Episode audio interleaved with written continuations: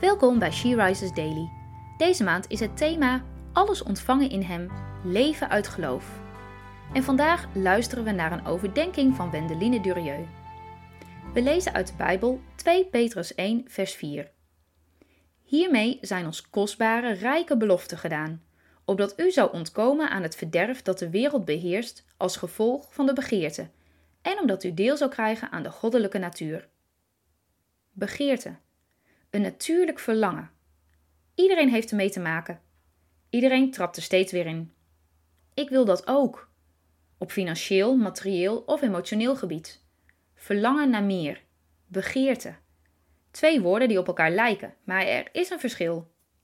De basis van begeerte is ondankbaarheid met wat je wel hebt. Ondankbaarheid maakt je bitter en ongelukkig. Jagen naar meer, dat is wat de wereld doet. Meer verdienen, meer kopen, meer plezier, meer bezitten. We weten allemaal dat het maar eventjes bevrediging geeft. Rijke mensen kunnen innerlijk zo arm zijn. Begeerte focust op iets. Begeerte komt voort uit je oude natuur. Ontevredenheid met je huidige situatie maakt dat begeerte in je wakker wordt.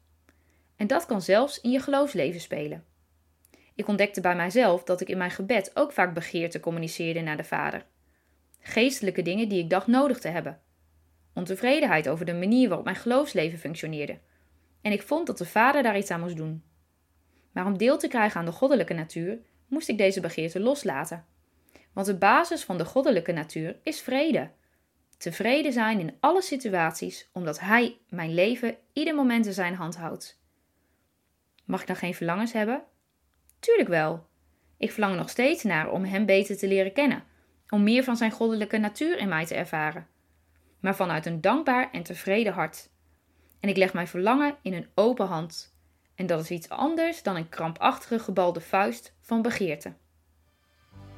Zijn er dingen in jouw leven waar je naar begeert of naar verlangt, wat misschien niet uit Gods vrede voortkomt?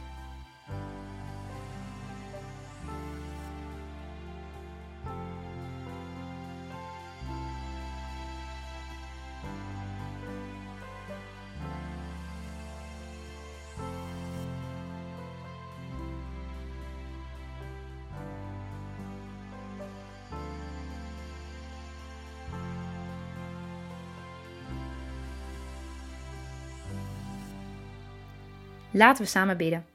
Vader, dank u dat u ons het verschil tussen gezond verlangen en ongezonde begeerte wil leren.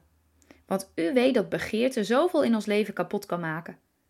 Leer mij om iedere dag in mijn hart te zoeken naar dankbaarheid. Dat beschermt mij tegen begeerte. Amen. Je luisterde naar een podcast van She Rises.